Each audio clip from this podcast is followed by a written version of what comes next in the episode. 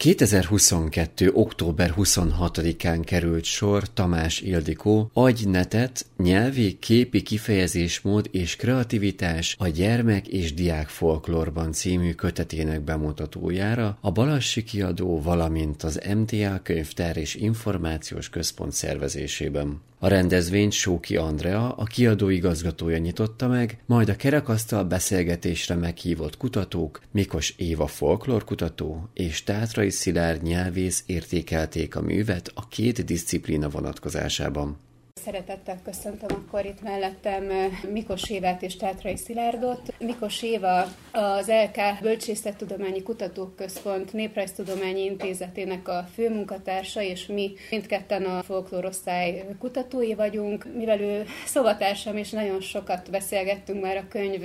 készülésének idején is, illetve az előmunkálatok, kutatások során is fontosabb kérdésekről, tehát azt hiszem, hogy igazán mélyen és nagyon régóta ismeri a kutatásnak könyvnek a tartalmát, és aztán konkrétan a könyv tartalmát is az elsők között ismerte meg, de amiért még az ő személyeit különösen fontos, az az, hogy ő is foglalkozik kortárs témákkal. Azt tudni kell, hogy azért a folklorisztika alapvetően történeti irányultságú manapság is, Ebben részben vannak presztis kérdések, hiszen a kiemelt témák azok továbbra is a klasszikus, kanonizált műfajokhoz tartoznak, a kortárs jelenségekre kevesebben reflektálnak kutatóként. Éva ő a kortárs mondavilágot kutatja többek között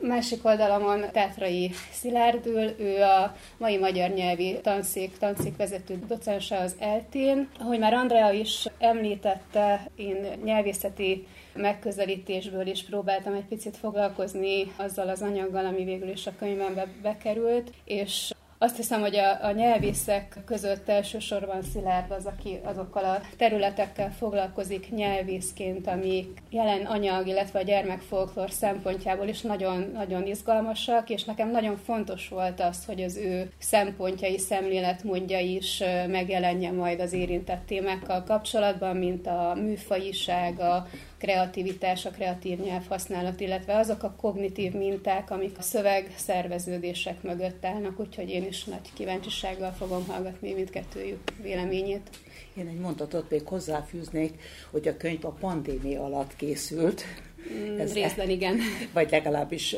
akkor került tető alá. Azt gondolom, hogy ennek egy olyan különleges hát szempont vagy jelentőségnek is mondhatnám, hogy az iskolai tanítás, tehát a rendes tanításnak a felfüggesztése miatt ezek a jelenségek, tehát hogy a gyerekek ezekkel az eszközökkel tartották a kapcsolatot, ez valahogy a korábbi felgyorsult és korábbi általánossá váláshoz képest is tömörödtek. Ez szerepet játszott, úgy érzem. No, akkor kezdtek ezt Elkezdenem, igen, egy kicsit a, abból a szempontból, hogy ugye én vagyok a folklorista az asztalnál, és azért Ildikó elsősorban és alapvetően folkloristaként tevékenykedik az utóbbi tíz-egy néhány évben. És azt gondolom, hogy ez a könyv elsősorban a, a kortárs folklór tudomány számára nagy jelentőségű, vagy ennek a disziplinának az erdejében nyit egy új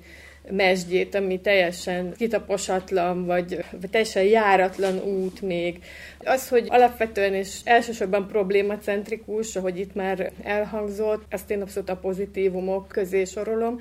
de leginkább azt tartom fontosnak, hogy egy kicsit olyan állóvíz jellegű kérdésben, mint amilyen a gyermek, a diák és az ifjúsági folklór, egyáltalán a társadalmi réteg specifikus, vagy életkor specifikus, vagy a foglalkozási csoport specifikus folklórnak a kutatása sát kibillentette a korábbi pozíciójából. És anélkül, hogy mindenkit ilyen tudománytörténeti részletekkel untatnék, azért azt el kell mondani, hogy két irányban, vagy két vágányon halad, ha már ezt a közlekedési metaforát kezdtem el, az eddigi gyermekifjúsági folklórkutatás, az egyik az a gyerekjátékok, mondókák, kiszámolók, dramatikus, játékos, mozgásos megnyilvánulások felől közelített, ezeket gyűjtötte, rendszerezte, elemezte elsősorban történeti szempontból. A másik irány, ami és Ildikó könyve mindkettőben bekapcsolódik, az a késő felvilágosodás óvodáskori, késő 18. századi, kora 19. századi kelet-magyarországi, erdélyi protestáns iskoláknak a sajátos belső keletkezésű, szubkulturális jellegű folklórja volt, amit mi diákköltészetnek nevezünk, ami egy közköltészeti karakterű dolog, és hát tulajdonképpen arról, hogy a mi életünkben, a saját időnkben, a mi életidőnkben, a saját gyerekeink közösségei, zárványszerűen létező kis közösségei milyen folklór hagyományokat éltetnek, illetve alkotnak újra, erről viszonylag keveset tudunk. A nyelvészek sokkal inkább a csoportnyelvi kutatásokkal, rétegnyelvi slang és hasonló kutatásokkal sokkal inkább élen jártak ezen a téren, de Ildikó azzal, hogy tulajdonképpen nyitott egy metszetet az időben, tehát azt mondta, hogy itt van ez és ez a rövid kis szakasz, egy két-három év, amíg a terepmunkáját végezte. Nézzük meg, hogy ez alatt az idő alatt néhány iskolában, amelyek elérhetővé váltak számára, és amelyek beengedték őt, hogy egy ilyen hát meglehetősen indiszkrét dologgal foglalkozzon, ott mi van, és hogy az, azon belül milyen rétegek és szintek különíthetők el. Hát nagyon sokféle réteg és szint elkülöníthető, mert jelen vannak azok a tudáselemek, amiket a gyerekek óvodáskoruk óta az iskolában tanulnak, ami elsősorban egy, egy folklorizmus jelenségként értelmezhető, tehát a korábban szájhagyományból összegyűjtött mondókák, kiszámolók, játékok, stb. stb., amiket a tanítók, a tanárok, az óvónők megtanítanak nekik. De ezen kívül a gyerekközösségeknek, a diák közösségeknek van saját maguk által alkotott folklórjuk is, és ez itt az igazából kruciális pont, tehát olyan nagyon sokféle hagyományból, például a felvilágosodáskori protestáns diák költészeti hagyományból is építkező, de ugyanúgy a latin középkori vágás költészetből is nagyon-nagyon sok forrásból táplálkozó ismeret anyag van, amit nem tudjuk, hogy hogyan kerül oda be, és azt tudjuk, hogy hogyan, vagy hogy honnan, vagy hogy hogyan működik, és ez a folklórnak a teljesen önkényes és gyakorlatilag irányíthatatlan természetére irányítja a figyelmet, amit a mai gyerekek a saját szájhagyományukban, és ami a legfontosabb, vagy talán az egyik legfontosabb dolog ebben a könyvben, az interneten, a, a digitális felületeken keresztül alkotnak folyamatosan újra, és terjesztenek. És itt most egy pici kitérő következik, ez egy ilyen magánjellegű, vagy teljesen a saját életemből vett példa, hogy számomra abban hoz ez még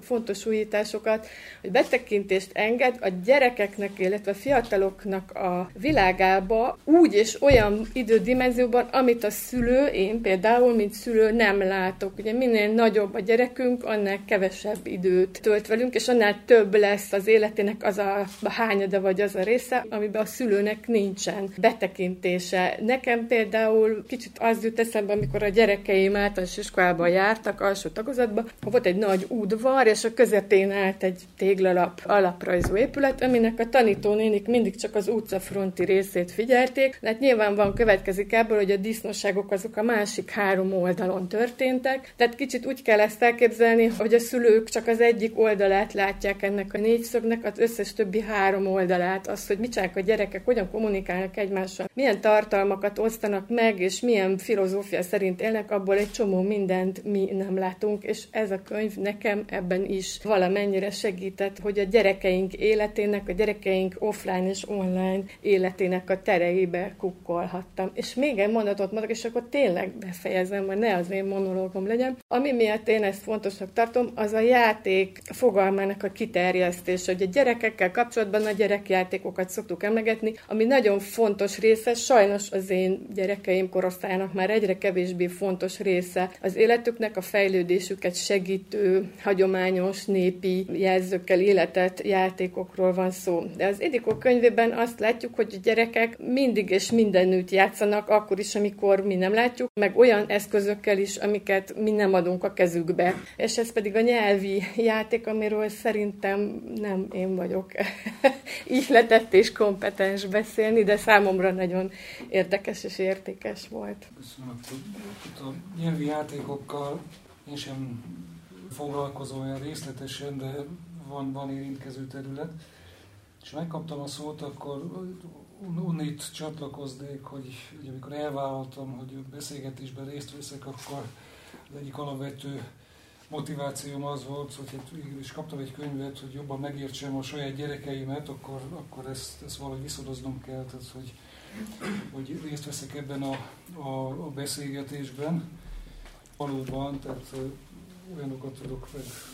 róluk, amik nem biztos, hogy ilyen direkt módon elmondanak. Másrészt pedig akkor majd én is tudok egy-két ilyen jó mémmel vagy, vagy viccel villogni a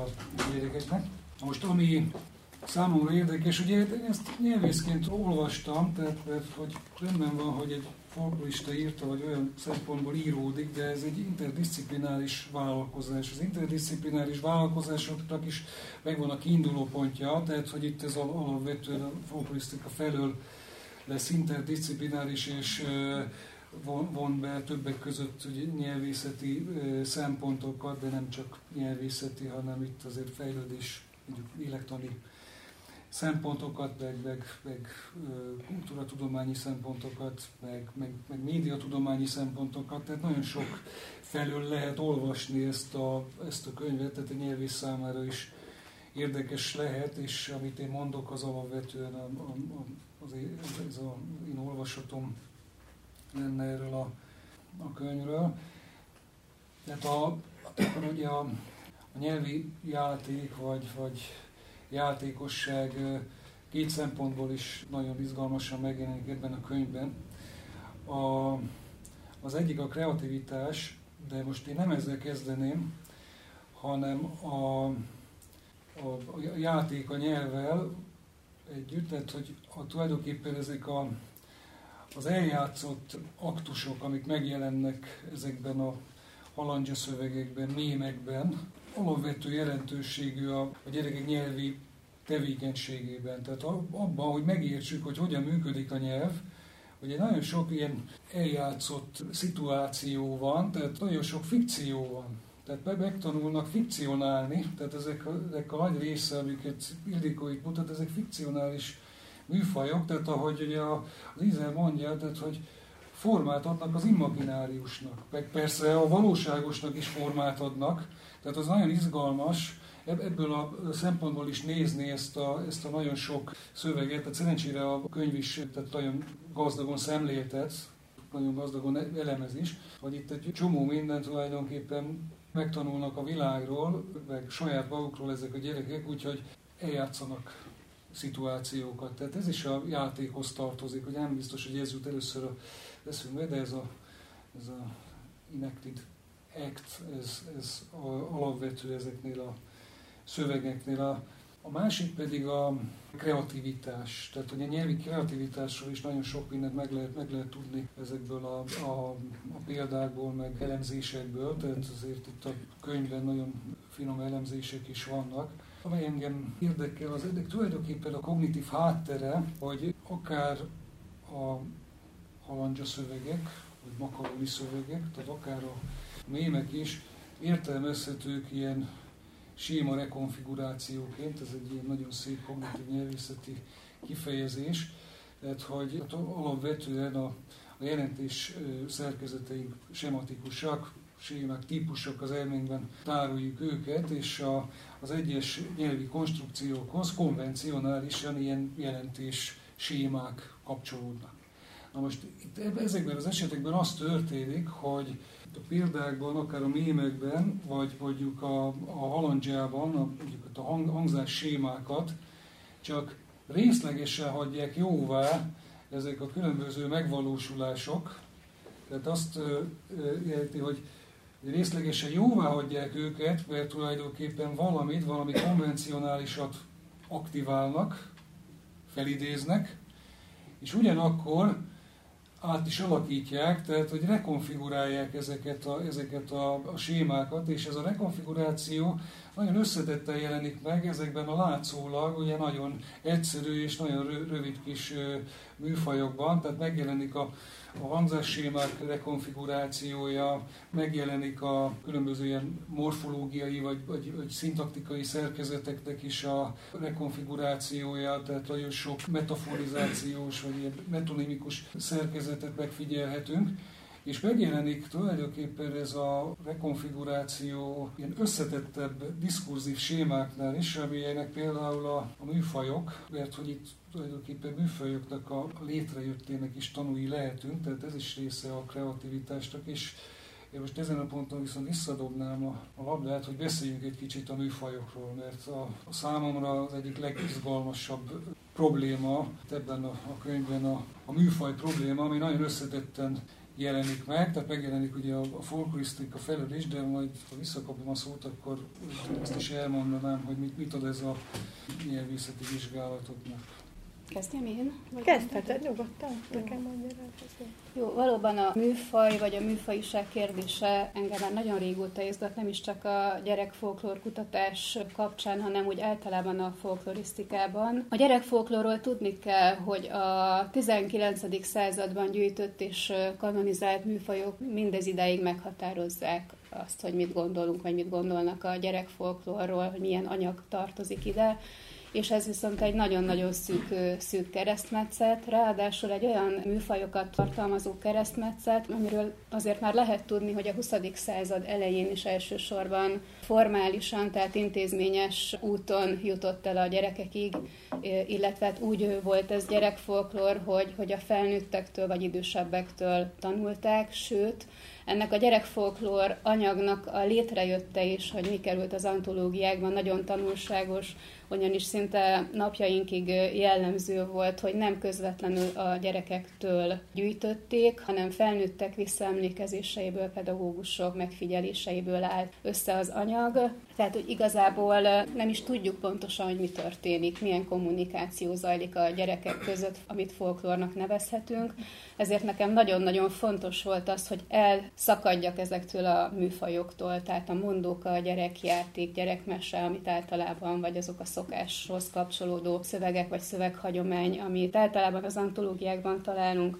ugyanis még a legújabb gyűjtések is, amik már elszakadnak legalább attól az alapkoncepciótól, hogy a gyerekfolklór alapvetően azt az anyagot tartalmazza, amit a falusi környezetben, a parasság tudás készletében találtak és ott gyűjtöttek, és innen kanonizálódtak ugye ezek a műfajok. Tehát amikor 20. század során, vagy akár már a 21. században is gyerekektől gyűjtenek immáron, akkor is ezek határozzák meg a gyűjtés anyagát, tehát milyen játék játékokat ismernek ezekből, azt hogyan alakították. Persze megjelenik benne már a kortárs világ is, és hogy mindezeket hogyan aktualizálják, de hogy ezen nincsen egy tovább lépés vagy túlhaladása ennek a szemléletnek. Én a magam részéről arra voltam kíváncsi, hogy milyen jelenségek vannak most a a gyerekek és a diákok körében. Azért is használtam sokszor inkább a jelenség szót, vagy, vagy alkotáscsoportokat, mert az volt a tapasztalatom, hogy amit én folklórként érzékelek a terepmunkám során, amikor figyelem az ő kommunikációjukat, akár offline, akár online formában, akkor egyébként sem tudnám semmi létező műfai csoportba besorolni őket. Ráadásul olyan hatalmas az átjárás azok között a szöveges, vagy képes és szöveges, vagy akár csak vizuális produktumok között, hogy nem tudunk meghatározni konkrét műfai határokat, tehát inkább egy ilyen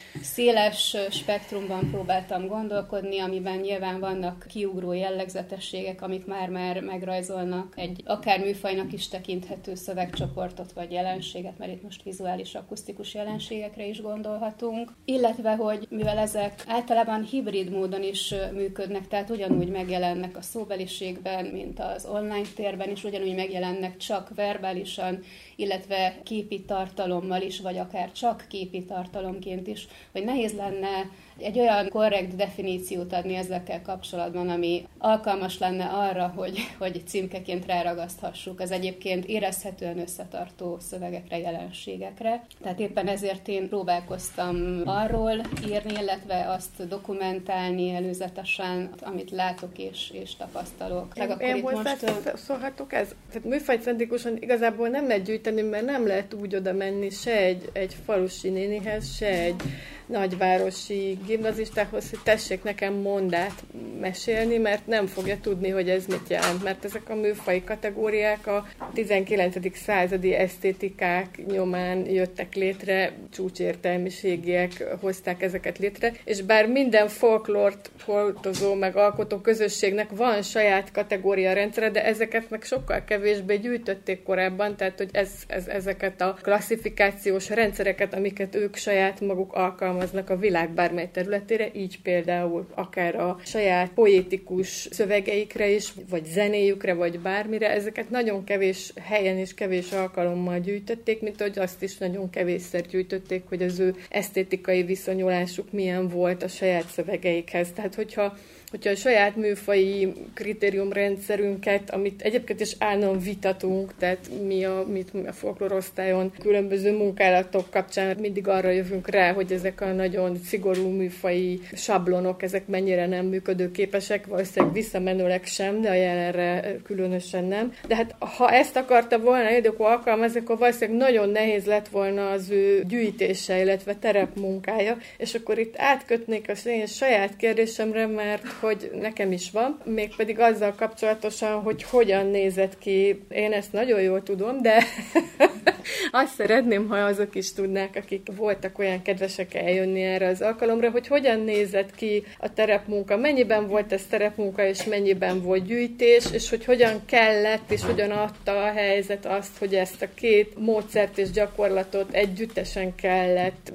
művelni, alkalmazni ahhoz, hogy az anyag összegyűjjön. Igen, ahogy te is említetted, valóban nehézkes lenne úgy gyűjteni, hogy egy-egy konkrét műfajt keresünk. Természetesen ennek is megvan a létjogosultsága, és kérdőívekben én is elkérdeztem akár konkrét mesékre, viccekre, népdalokra, hogy ismerik-e, illetve ha nem, akkor, akkor mi az, amit hasonló műfajként vagy szövegként értékelnek, és esetleg, esetleg mesélik egymás között, vagy akár terjesztik írásban is. A folklorisztikának alapvetően ugye az a módszere, hogy célirányos kérdések eszközökkel történik az anyaggyűjtés. A kortárs világban szerintem ez egyre kevésbé kivitelezhető, és az én fő szempontom is az volt, hogy sokkal inkább a kulturális antropológia módszereit alkalmazzam, mint például a hosszan tartó részvétel egy-egy közösség életében, tehát a résztvevő megfigyelés. Szerencsém volt azzal, hogy a tanárok az első pillanattól nyitottak voltak erre a kutatásra, és nagyon-nagyon segítettek abban, hogy a diákokkal minél könnyebb legyen legyen az ismerkedés. Természetesen, hogy amikor a diákfolklórról beszélünk, vagy diákokról, mint közegről beszélünk, azért egy hatalmas spektrumot jelent ez. A 6-7 évesektől egészen a 18 évesekig tudjuk, hogy teljesen másképpen működnek, akár abban is, hogy hogyan fogadnak egy, egy idegent, aki betoppan közüljük pláne kutatási célzattal. Az alsó tagozatosokkal könnyebb volt a dolog egyrészt, mert nagyon nyitottak voltak, őket leginkább a a szabad idejükben tudtam figyelni, vagy közöttük lenni. Nekik azért még nagyon sok olyan órájuk van, ami szabad tevékenységgel telik, az vagy kint az udvaron, vagy a tornateremben, vagy akár az osztályteremben, én olyankor bent lehettem közöttük. És ők igazából versenyezve uh, jöttek oda hozzám, ki, ki, tehát hogy szó szerint nehéz volt úgy odafigyelnem mindegyikükre, hogy kielégítő figyelmet kapjanak ők nagyon sokat meséltek nekem, és megosztottak nagyon-nagyon sok olyan hasznos információt, amit tényleg ez a folklorkutatáshoz jól felhasználható volt, viszont velük ugye a célirányos kérdezés, mint olyan sokkal kevésbé működött, mert lehet, hogy én kérdeztem valamit, de ő valamit teljesen mást akart éppen elmesélni, és én ezt természetesen hagytam is, hogy így történjen, mert úgy éreztem, hogy ebből sokkal több és hasznosabb információ kiderül hosszú távon számomra, míg az idősebbeknél, mert nyilván ez kevésbé volt elképzelhető, hogy én én beülök közéjük, és akkor ők majd spontán beszélgetnek tovább arról, amiről eddig is, vagy hogy önként jönnek, és majd elmesélik neki, amire kíváncsi vagyok. Ez egy sokkal hosszabb barátkozási folyamat volt, de itt is egy idő után már nagyon jól működött, hogy a szünetben ők maguk hívtak oda egy-egy kisebb közösségbe, és akkor együtt beszélgettünk tovább, vagy kérdezték, hogy mire vagyok éppen kíváncsi, és hogyha volt ehhez valami éppen friss élményük vagy tapasztalatuk, azt elmondták, és ilyen náluk már nagyon jól működött a célirányos kérdés, kérdőív, mint módszer, amit én papírformában alkalmaztam, bevallom, mert mindig voltak olyan jellegű kérdéseim, amik egy kis rajzolást is igényeltek, és kíváncsi voltam arra is, hogy amit ők online formában ismernek és úgy terjesztenek, azok milyen egyéb formában, milyen más regiszterben jelennek még meg, és nagyon sokszor tapasztaltam, akár az én kérdőívemtől függetlenül is, hogy cetliken vagy füzetlapokon megjelennek mémek rajzai, vagy hogyha mondjuk én eleve a kérdőjében csak egyszerűen egy viccre kérdeztem rá, akkor a válasz sokszor arra is egy általuk kézzel megrajzolt mém formájában érkezett, tehát ott a kérdőíves módszer is nagyon jó volt már, és plusz még egy újabb regiszter csatlakozott ehhez akkor, amikor egyre több olyan oldalt ismerhettem meg hát online felületen, amit ők zárt körülön használnak, mert természetesen nagyon sok diák oldal létezik, amit az ember nézegethet szabadon, de amiről konkrétan lehetett tudni, hogy ez az övék, ezt ezeket a tartalmakat ők alkotják részben, illetve az ő választásaik, hogy mik kerülnek ebbe az adott repertoárba. És ami megint csak nagyon fontos volt ennek a gyűjtésnek a szempontjából, hogy úgy tudtam aztán utólag ezekkel a szövegekkel, jelenségekkel foglalkozni, hogy elég jól ismertem hozzá a kontextust, vagy hogyha volt bármilyen kérdésem, akkor volt kihez fordulni. Tehát az értelmezésben nagyon-nagyon sok segítséget adtak maguk a, a diákok is, így, így az ő értelmezési keretüket is megismerhetem, és ehhez tettem hozzá a sajátomat, illetve a, a disziplina által kínált elméleti kereteket. Hogy kicsit a műfajhoz, mert szerintem kapcsolódik a, a anyaggyűjtési módszerhez is. Nagyon sokszor van, amikor megjelenik egy, egy prózai könyv, és akkor az első recenziók, már egy szép irodalmi alkotás, és az első recenzióknál, ha pozitívat akar valaki mondani, akkor azt fogja mondani róla, hogy nem regény. Mert hogy ugye nem sorolható be abba a, a műfajba. Itt is, tehát az, azért annál, annál több van, mint ugye azt, azt mondja Édika, hogy, hogy nem használja a, a, a hagyományos mondjuk műfaji kategóriákat. Tehát hogy azért van több, mert hogy ez alapvetően a műfajnak egy ilyen retrospektív szemlélete, tehát hogy a konkrét szöveg felől közelítünk, és akkor alapvetően ugye katalogizálunk, tehát a konkrét szövegeket általában egy professzionális módon hogy be, besorolhatjuk különböző csoportokba, ezeket mondjuk nevezhetjük akár műfajoknak is. Csak hogy az a zavarba ejtő e, e, ezzel kapcsolatban, és azért a szövegnyelvészet ez elég régóta beszél erről, tulajdonképpen a szöveg tipológia a, a szövegnyelvészetnek a provokációja, mert hogy még mielőtt a, a, a kutatók bármit is csinálnának, a mindenkori beszélők tipizálják a szövegeket. Tehát, hogy, hogy érdemes figyelembe venni a műfajoknak a, a, egyfajta ilyen proaktív természetét, tehát, hogy alapvetően ezek bekatározó, diskurzív sémák, amelyeket a beszélők ezekben az esetekben a, a gyerekek működtetnek, mint tudást. Tehát azért mondjuk proaktív, mert egyszerűen a tapasztalataikat el tudják rendezni a társas térben. Tehát erre valók alapvetően ezek a, ezek a műfajok, tehát nagyon izgalmas az, hogy egyrészt milyen műfai ugye, tudással rendelkeznek ezek a gyerekek, és hát azok tulajdonképpen a kérdőíves vizsgálatban is, tehát ilyen, ilyen műfai események történnek, talán amikor mémként rajzol le egy, egy viccet, az azt jelenti, hogy működteti a diskurzív sémáját. Tehát, hogy, hogy itt a nyelvnek a működéséről is nagyon sok mindent ugye elmond ez a könyv, mert itt alapvetően a, a műfajoknak egy ilyen proaktív értelmezése történik. Ezt, ezt a terminus nem osztálya Ildikó, de remélem majd a következő publikációjában igen. És akkor, tehát mert ezt a, a nagyon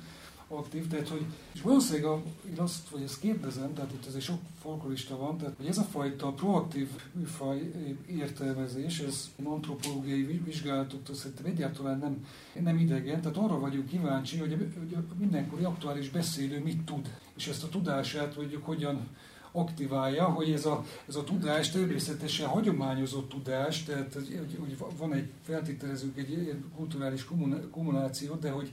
hogy, hogy ezeket a, a diskurzív sémákat is azért folyamatosan meg is teremtjük azáltal, hogy működtetjük, mert az egyes megvalósulások visszahatnak a, ezekre a, a sémákra, és is folyamatosan alakítják őket. És nem olyan nagy baj, hogy társadalmi elemzésben is az alapvető, nagyon sok olyan társadalmi műfaj van, amit nem tudunk címkézni.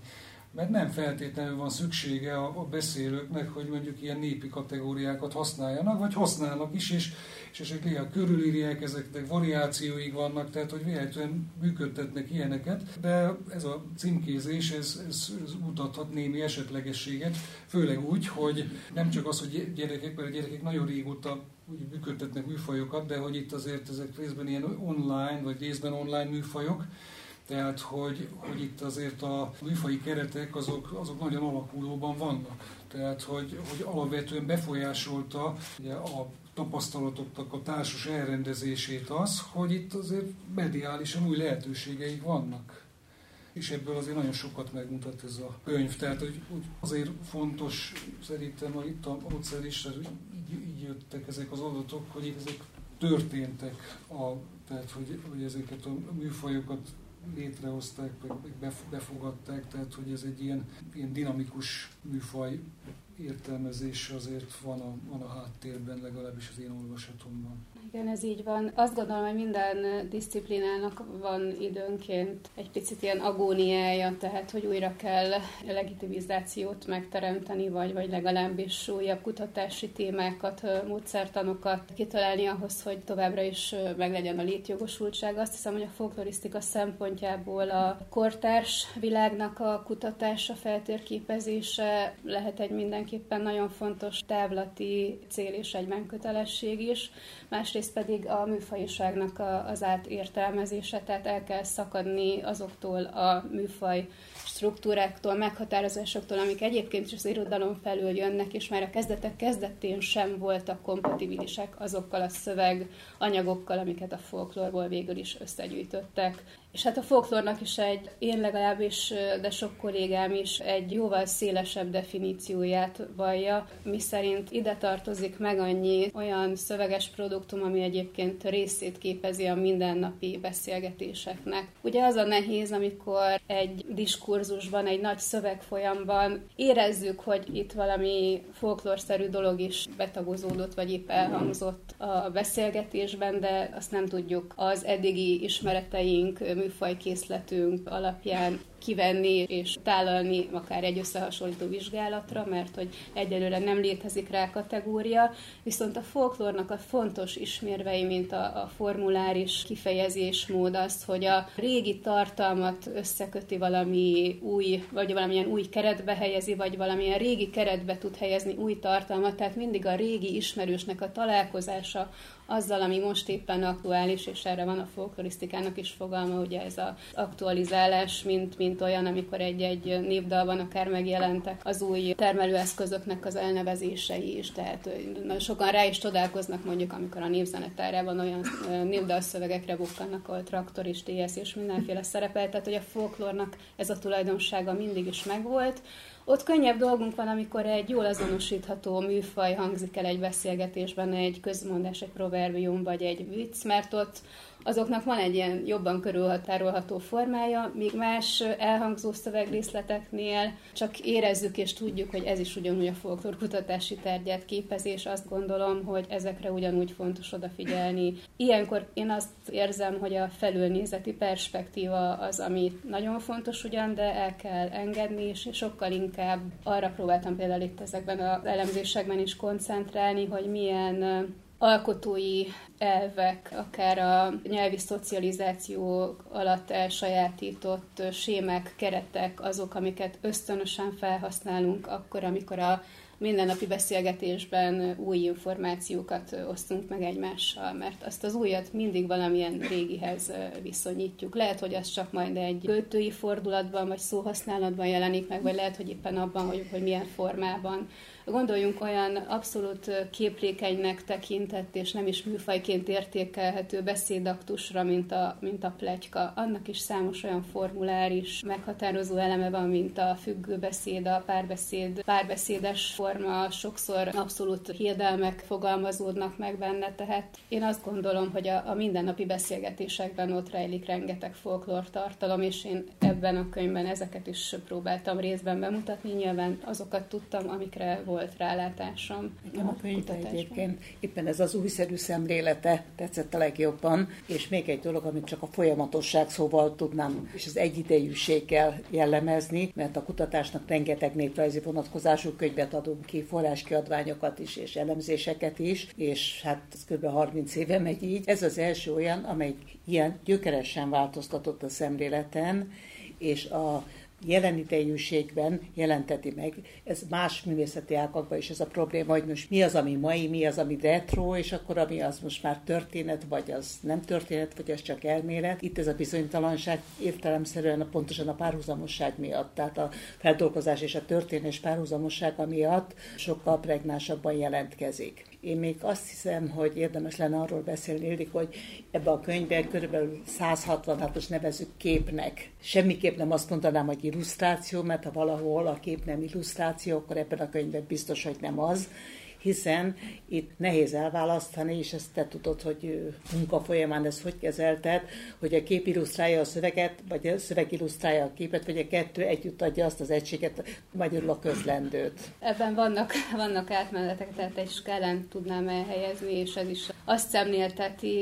és akkor egy picit még megint visszakanyarodva a műfajiság kérdésére, hogy ezek olyan sémák, jelenségek, szövegek, keretek, képek, amik inkorporálják a dolgokat, tehát semmiképpen sem lezárt határokkal, körülhatároló műfai kategóriákkal rendelkeznek, hanem olyan adott egységek, amik nagyon-nagyon sokféle tartalom befogadására és kifejezésére képesek. Én figyeltem azt, hogy regiszterváltások esetén hogyan változik egy-egy tartalom, erre akkor keresek is példát. Hát sajnos a képeket itt most kevésbé tudom illusztrálni, vagy mutatni, de hogy mi történik, akkor azt megpróbálom elmondani.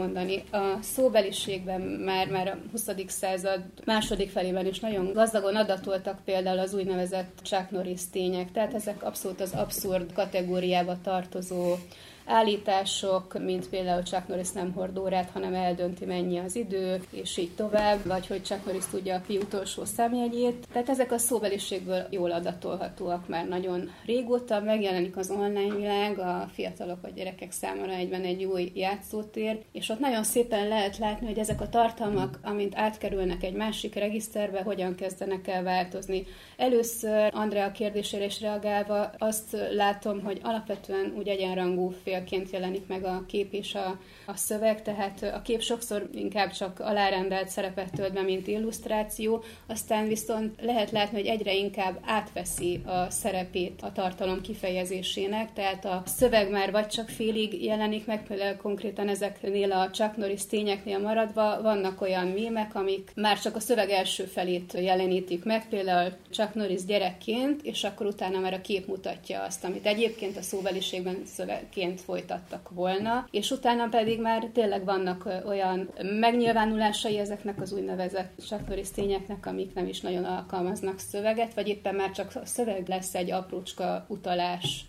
tehát a szöveg szerepe itt már másodlagossá válik. Tehát nagyon-nagyon sokféleképpen meg tud nyilvánulni ugyanaz a tartalom. A gyerekek, mint közeg egyébként azért is volt számomra egy nagyon-nagyon fontos kutatási terület, mert ők nagyon-nagyon sűrűn vannak behálózva, nagyon-nagyon sokféle diskurzusba. Egyrészt, amikor egy osztály vagy iskola közösség összekerül, akkor ott nagyon sok felől, tehát a lokalitás szempontjából is nagyon-nagyon változatosak, itt nagyon sok felől érkező gyerekek vannak együtt, ez, ez fokozottan érvényes, mert ugye a középiskolákban, gimnáziumokban, általános iskolában még kevésbé. Rengetegféle ismeretanyag ekkor érkezik hozzájuk, kezdve ugye a konkrét tantárgyak által közvetített tudományos ismeretekről, a nyelvtanulás, mint olyan, egyre inkább bekapcsolódnak a médiába, a felnőttek különböző diskurzusaiban, tehát egy nagyon-nagyon intenzív kommunikációs közegről van szó, akik nem csak passzív résztvevői ennek a közegnek, hanem nagyon-nagyon kreatív és tudatos alakítói is, pont az életkori sajátosságaik miatt is, és annak köszönhetően is, hogy ennyi felé be vannak tagozódva tulajdonképpen különféle közösségekbe, valódi, illetve online is mindenféle közösséget kell ezen érteni. Azt hiszem, hogy onnantól kezdve, hogy az ember pályára áll felnőttként az egyetem elvégzése után, sokkal inkább fókuszáltabb és egyirányúbb lesz a figyelme minden mellett, hogy továbbra is megmaradnak a család és a baráti közösségek és az ezzel járó diskurzusok vagy a média, de mégis csak egy fókuszáltabb és egy adott irányba haladó figyelem jellemzi már az embereket, ha túl vannak ezen az életkoron vagy korszakon. Még egy mondatot mondanék, meg hát, kettőt, akkor még nem beszéltünk. Szerintem ez zárszónak is beillik, hogy egyrészt a kép és a szöveg a korábbi évszázadokban nem jellemző, vagy ilyen arányban nem jellemző egymásra játszása miatt, másrészt a mediális közegnek a változásai miatt, harmadrészt pedig amiatt a rettetesen gyors, mindenfajta változás miatt, amiben élünk. A folklort, ahogy Ildikó mondja, állandóan újra kell definiálni, de nem csak azért, hogy lehessenek folkloristák, akik ezzel foglalkoznak, hanem, hanem azért, mert a folklor ez egy olyan dolog, ami az emberiséggel és minden emberi közösséggel együtt jár, akár a nyelv. És hát én azért gondolom fontosnak ezt a könyvet, és azért fontos, hogy megjelenhetett, mert ebben szemléletformáló és ahogy itt elhangzott, és egy lépcsőfokot képvisel a tekintetben, hogy a folklórnak a saját életünkre vonatkozó tükörképként való értelmezése felé haladjunk. Tehát azt gondolom, hogy minden megértés, ez híres ember szavainak parafrazálása, de minden megértés, önmegértés, tehát a, minden, minden társadalomtudománynak, így a folklorisztikának, a nyelvészetnek is akkor van értelme, hogyha a saját életünkről, a saját jelenünkről, és annak a változásairól tud bármit is mondani, és ha ennek a könyvnek van valami egy mondatban összefoglalható tanulsága, akkor szerintem ez az. Nagyon szépen köszönöm, hogy eljöttek, köszönöm a közleműködőknek, elmondták a könyvről ezt a sok érdekességet, és mindenkinek figyelmébe ajánlom, hogy a könyv jelentős kedvezménnyel itt éppen megvásárolható. Köszönjük szépen! Mindenkinek.